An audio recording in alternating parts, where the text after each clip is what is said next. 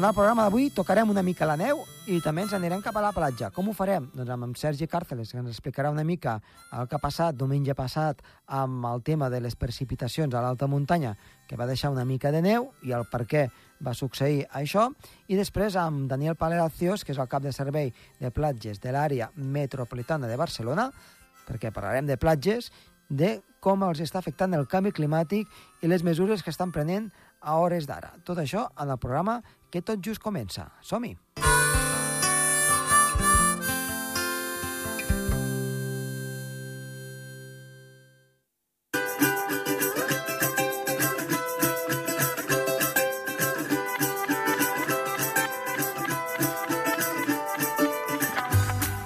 Comencem el programa amb Sergi Carceler. Sergi, bona tarda. Bona tarda. Avui ens parles una mica d'aquesta fresqueta que hem tingut que agafar tots ja la rebequeta eh, del passat diumenge. Doncs sí, aquesta entrada d'aire fred, aquesta primera entrada d'aire fred d'aquesta temporada, doncs que ens ha portat doncs, alguna sorpresa que altra, alguna nevada, alguns Sí. centímetres de grus que han eh, afectat eh, el país i també algunes zones on per la nit ja han tingut temperatures inferiors als eh, 0 graus. Així Ja- que, si vols, farem un petit resum d'aquest Sí, ja hem estrenat una mica la tardor i, i el mes d'octubre, no?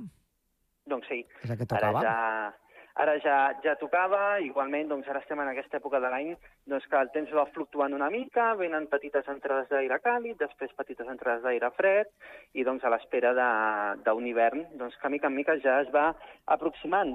Parlant sobre aquesta entrada d'aire fred que hem tingut aquests eh, dies anteriors, primer parlarem una mica de les temperatures, i és que ja han hagut algunes zones, com per exemple a les Salines, que els valors han estat inferiors a 0 graus, a la Solana també se n'han registrat valors eh, inferiors a 2 graus sota 0, a Coi d'Ordino també temperatures inferiors a 1 grau sota 0, o a Perafita també valors inferiors a 1 grau sota 0. Zones on, on doncs, ja la nit eh, refresca bastant i en aquests moments, doncs, quan hi ha alguna precipitació, doncs ja poden caure les primeres nevades, els primers flocs. I és que ja hem tingut algunes acumulacions. Per exemple, a Perafita es van arribar a acumular 3 centímetres eh, de neu, 9 centímetres a Sorteny, 12 centímetres, ja una mica més, al Coll de Pa, o 26 centímetres, la zona on més ha nevat doncs, eh, en aquest moment, a la Solana, més o menys per damunt del pas de la casa.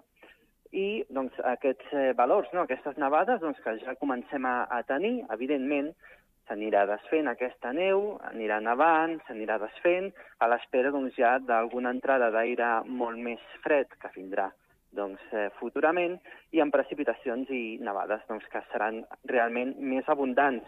A les valls, per exemple, les precipitacions doncs, també han acumulat valors bastant interessants. Per exemple, a Sant Julià de Lòria, 36 litres per metre quadrat, a Escaldes, 38, a Ordino, 37, o a Perafita, tornem a parlar d'aquesta zona, 42 litres per metre quadrat. Més o menys són uns valors bastant semblants. Les pluges han estat o han estat ben repartides, no ha caigut en un punt en concret, perquè sobretot el que hem tingut han estat eh, pluges estratiformes. Venien fronts, en aquest cas ens va acompanyar un front fred, que és la que va portar aquestes pluges i aquestes baixades de temperatura, i és un front que ja estava bastant desgastat perquè havia passat per tota la península ibèrica i això va fer doncs, que la pluja aquí fos sobretot estratiforme, és a dir, pluja constant però tampoc parlàvem de tempestes, no va haver aparell elèctric, únicament pluja que va durar bastantes hores però que no va deixar tampoc tempestes molt eh, fortes. Ara, com seguirem? Doncs seguirem doncs, amb uh, aquestes fluctuacions. Ara doncs, tindrem èpoques de més sol, temperatures que tornaran a ser primaverals i doncs, també a l'espera de petites bosses d'aire fred que tornaran a fer baixar les temperatures i en aquest cas també tornaran a venir nevades. Doncs, eh, Sergi, moltíssimes gràcies. Hem tingut doncs, aquest primer tastet de fresqueta, de poder tocar una mica la neu, si hem anat doncs, a l'alta muntanya, i el que tu deies, amb precipitacions molt ben repartides i que, eh, malgrat les baixes temperatures, segur que pel tema de bolet anirà molt bé a les zones baixes, allà on no, on no ha glaçat. Correcte, sí, sí, sí. I a més, amb el fresquet i la humitat, ja veureu com els bolets començaran a sortir com bolets. A veure, a veure si és veritat. Sergi, una abraçada. Que vagi bé. Adéu-siau.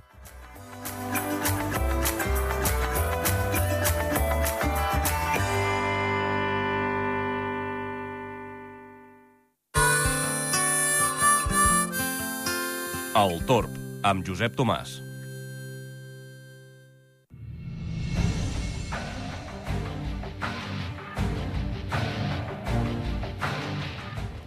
En l'entrevista d'avui tenim a Daniel Palacios, geòleg i cap del Servei de Platges de l'àrea metropolitana de Barcelona. Daniel, molt bona tarda i moltes gràcies per estar aquí al programa Torb. Bona tarda, gràcies a vosaltres. Doncs els nostres oients es preguntaran per què doncs, avui parlem amb el Daniel Palacios, cap del Servei de Platges, quan aquí a Andorra, de moment, almenys de moment, no tenim platges, eh, en el sentit de que tenim doncs, el mar força lluny, però és per un tema que doncs, es vindrà a parlar ara sobre el canvi que hi ha hagut en aquests 3, 4, 5 anys respecte als temporals i a la meteorologia i podríem ja també doncs, parlar una mica de canvi climàtic que hi ha hagut a les costes doncs, mediterrànies. I han tingut que fer una actuació, o estan ja fent una actuació que anys enrere no passava i ara sí que passa, per tant ja podem dir que és un efecte directe, si no del canvi climàtic, d'alguna cosa que està passant. Eh, Daniel, um, què és el que esteu fent ara mateix a les platges de l'entorn de Barcelona? Sí, ara mateix a, la, a les platges de l'àrea metropolitana estem retirant, ja portem uns dies, eh, van començar el 15 de setembre, estem retirant eh, tots els equipaments eh, de temporada alta que són susceptibles de, de ser afectats pels temporals que, que pot haver-hi a partir d'ara. Uh -huh. uh, per tant, um, he llegit que és deixar, diguem-ne, la, la platja el més net possible. Sí, bueno, nosaltres a l'àrea metropolitana eh, tenim a molts usuaris també a, a la temporada baixa. El que passa és que retallem a les, les passeres, per exemple, a, fins a mitja platja, i moltes instal·lacions les retirem cap a la part més allunyada de la línia de mar, Uh -huh. perquè, perquè, perquè aquest onatge que, que comença ja al setembre-octubre no ens afecti tant amb els equipaments i, sobretot, els últims anys, els últims quatre anys, sobretot, però els últims deu anys, cada vegada els temporals eh, comencen abans. Uh, habitualment, a començaments del segle XXI, eh, els temporals començaven a l'octubre, novembre, els temporals importants, vull dir. Sí. I ara els tenim cada vegada més d'hora, no? Els tenim ja a mitjans de setembre. Per això hem d'anar amb molta rapidesa per retirar tots els elements de temporada alta que donen servei a les platges i deixar-les preparades per a la temporada baixa, que, que encara tenim molts serveis, les Mhm. dutxes continuen funcionant i molts elements continuen a les platges per donar aquest servei, perquè bueno, aquí la veritat és que amb el clima que tenim i cada vegada més doncs es poden fer servir durant tot l'any. Clar, perquè a vosaltres us allarga la temporada, diguem-ne, eh, no d'estiu, però de- d'un temps agradable per poder anar a prendre el sol o, o poder, doncs, eh, inclús si ets més atrevit, fer un banyet, eh, fins principis de novembre, a vegades, no? A vegades per tots sants, eh, per la castanyera, doncs, eh, fins i tot la gent es banya o va a prendre el sol una mica. Sí, sí, tranquil·lament. De fet, les últimes castanyades anem amb màniga curta, Uh -huh. els últims anys, o sigui que sí, sí, es, es pot estar perfectament. Fins i tot a, a començar, fins a començaments de desembre diria jo que, Sí, que tenim un temps bastant agradable i després ja, passant els mesos que sí que són freds de gener i febrer, al març comença una altra vegada el bon temps, o sigui que, que sí, tenim, tenim les platges tot l'any pràcticament ja. per tant, tenim una temporada que s'allarga molt, eh, no tant com aquí nosaltres la neu, que, que, que també ja ens agradaria, però el, el, el que avui estàvem parlant, no? Aquest, des, això que esteu desmuntant, doncs, eh, tot el que és eh, el mobiliari que fan servir la gent quan, est, quan estan a, a la platja, és justament perquè heu constatat, amb dades a la mà, que en els darrers anys l'onatge de les platges és cada cop més fort i arriba abans. Sí, eh, clar, això és, un, és, un, és una cosa que nosaltres com a, com a gestors de, de les platges, de l'àrea metropolitana, és una cosa que veus, no? que veus Mhm. que cada any tenim més afectacions i, i més importants a, a la platja. Cada vegada són més platges les afectades i cada vegada l'afectació és més important. Imagina't, després del temporal Clar. de Glòria, que va ser una cosa Mhm. bastant, bastant fora de, fora de lo normal, Sí. i després el Filomena, però és que hem tingut una acumulació de temporals els últims anys que no deixen tampoc que la, que la platja es recuperi pe- rere el temporal. Això també fa que hagi variat la topografia de les platges. Ara tenim algunes platges que s'inunden totalment quan hi ha uh, una una miqueta més important, com a la zona sud de Castelldefels.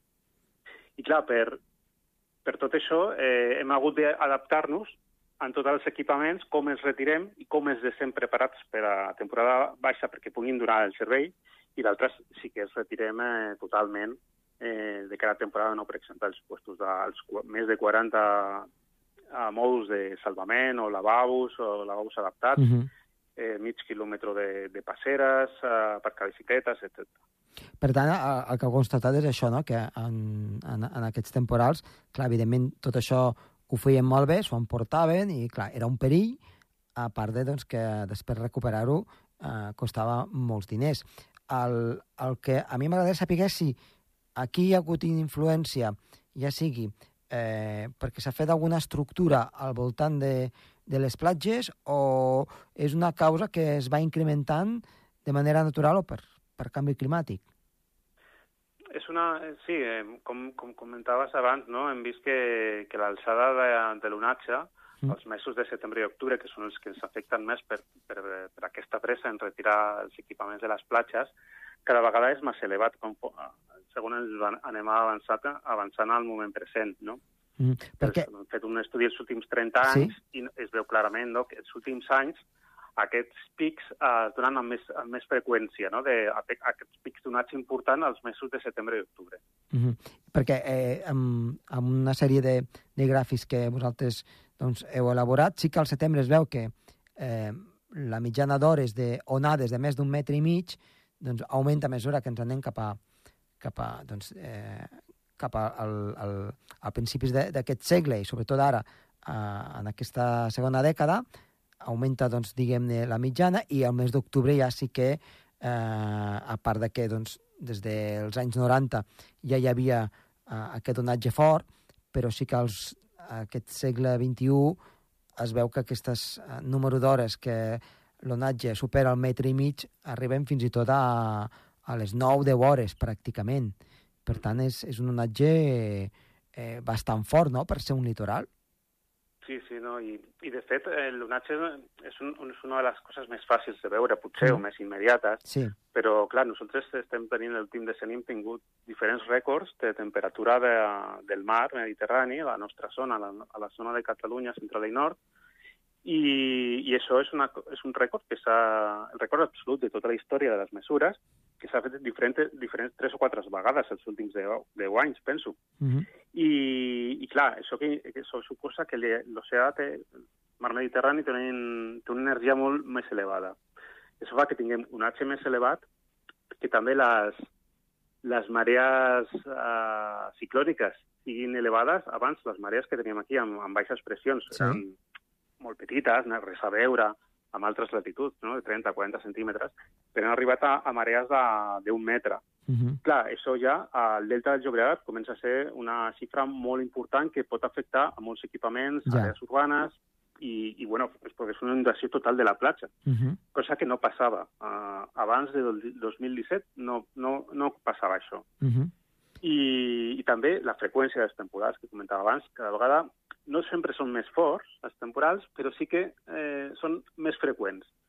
Tot això eh, fa que les platges estiguin més, siguin més fràgils perquè per aquesta acumulació de temporals, per aquest increment de l'alçada de l'onatge, bueno, i també perquè l'impacte humà que, que tenim a l'àrea metropolitana és molt elevat en quant a hem urbanitzat molt el territori, Clar.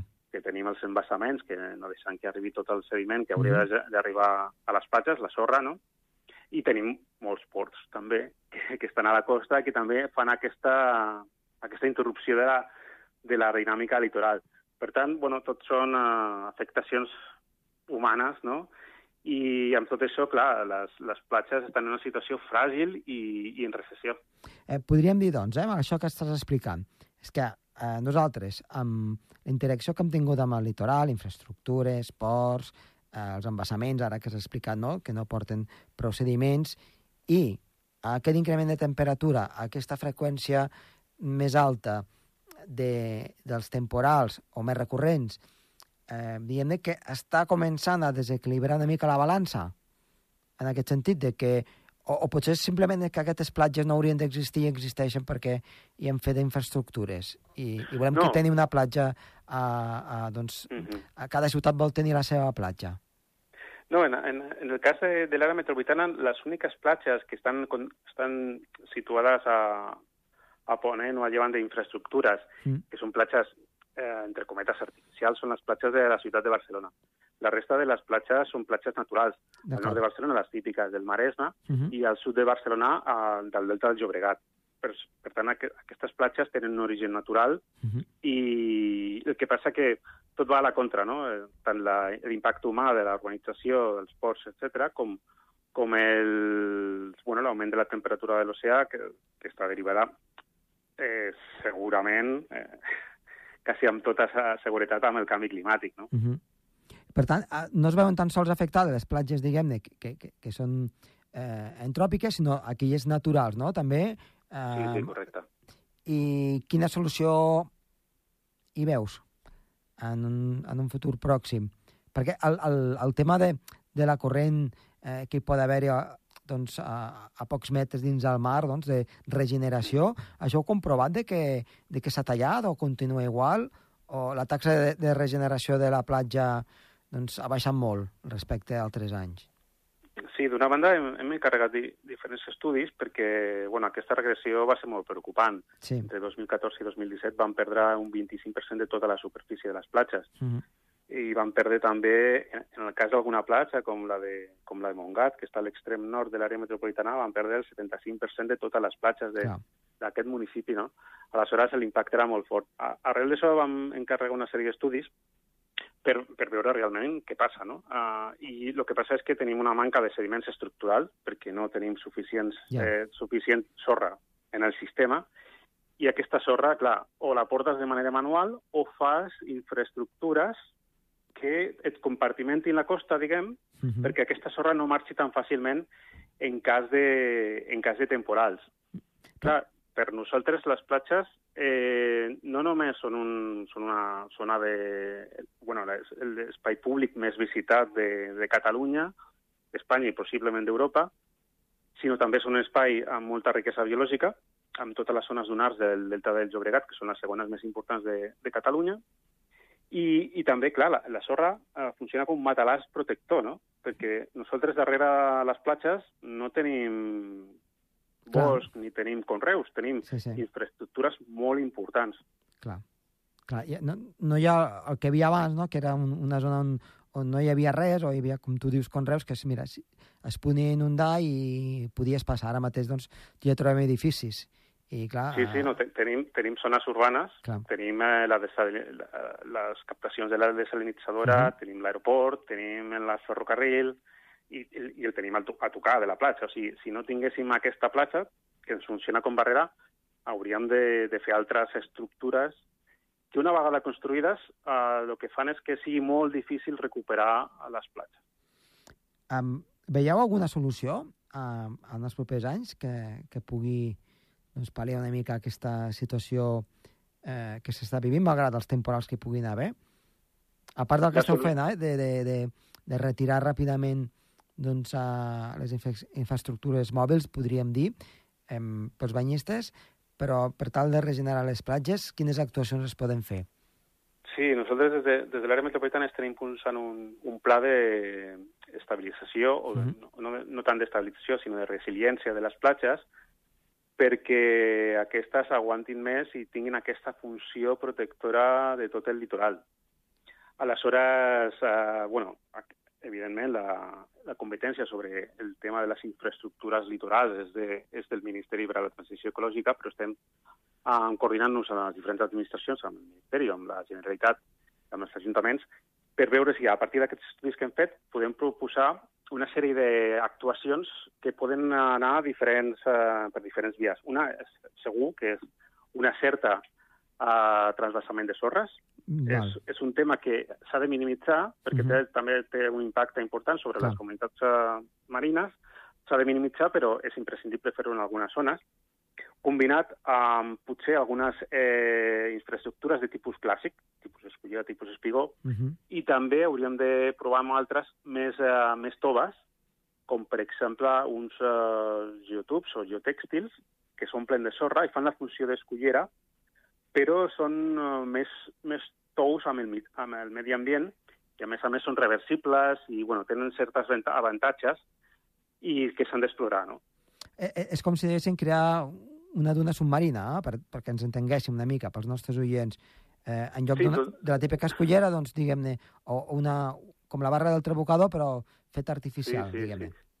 Totalment, totalment, perquè eh, una, una de les coses que, ha, que ha sortit a l'estudi que hem fet a, a la zona sud, a la zona del Delta Llobregat, és que tenim una, una barra submarina a uns 200 metres de la costa, que si està ben conformada, això és una protecció molt important per a la costa. Uh -huh. El que passa que per l'acumulació d'aquests temporals que comentava, moltes vegades aquesta barra eh, desapareix durant una, un, un temps i si després hi ha un temporal, quan no, és, quan no hi és la barra, clar, l'onatge arriba molt endins de, de la platja i, i fins i tot de la zona urbana.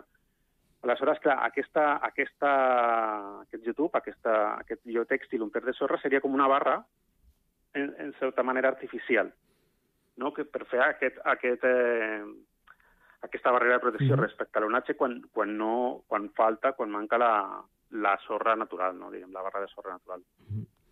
Doncs, eh, Daniel, eh, moltíssimes gràcies eh, per explicar-nos avui eh, aquí doncs, als nostres oients d'Andorra una mica doncs, quan van a la platja, que no és tan sols que van a la platja, que darrere hi ha moltes coses i que, evidentment, eh, tot això ens ajuda que puguem disfrutar tant a l'estiu com també a la tardor una mica d'aquests banys, encara que sigui a última hora, i que darrere hi ha molt de treball i que doncs, el canvi climàtic està afectant eh, tot aquest eh, ecosistema. Daniel, moltes gràcies i fins una propera vegada. Eh, gràcies a vosaltres.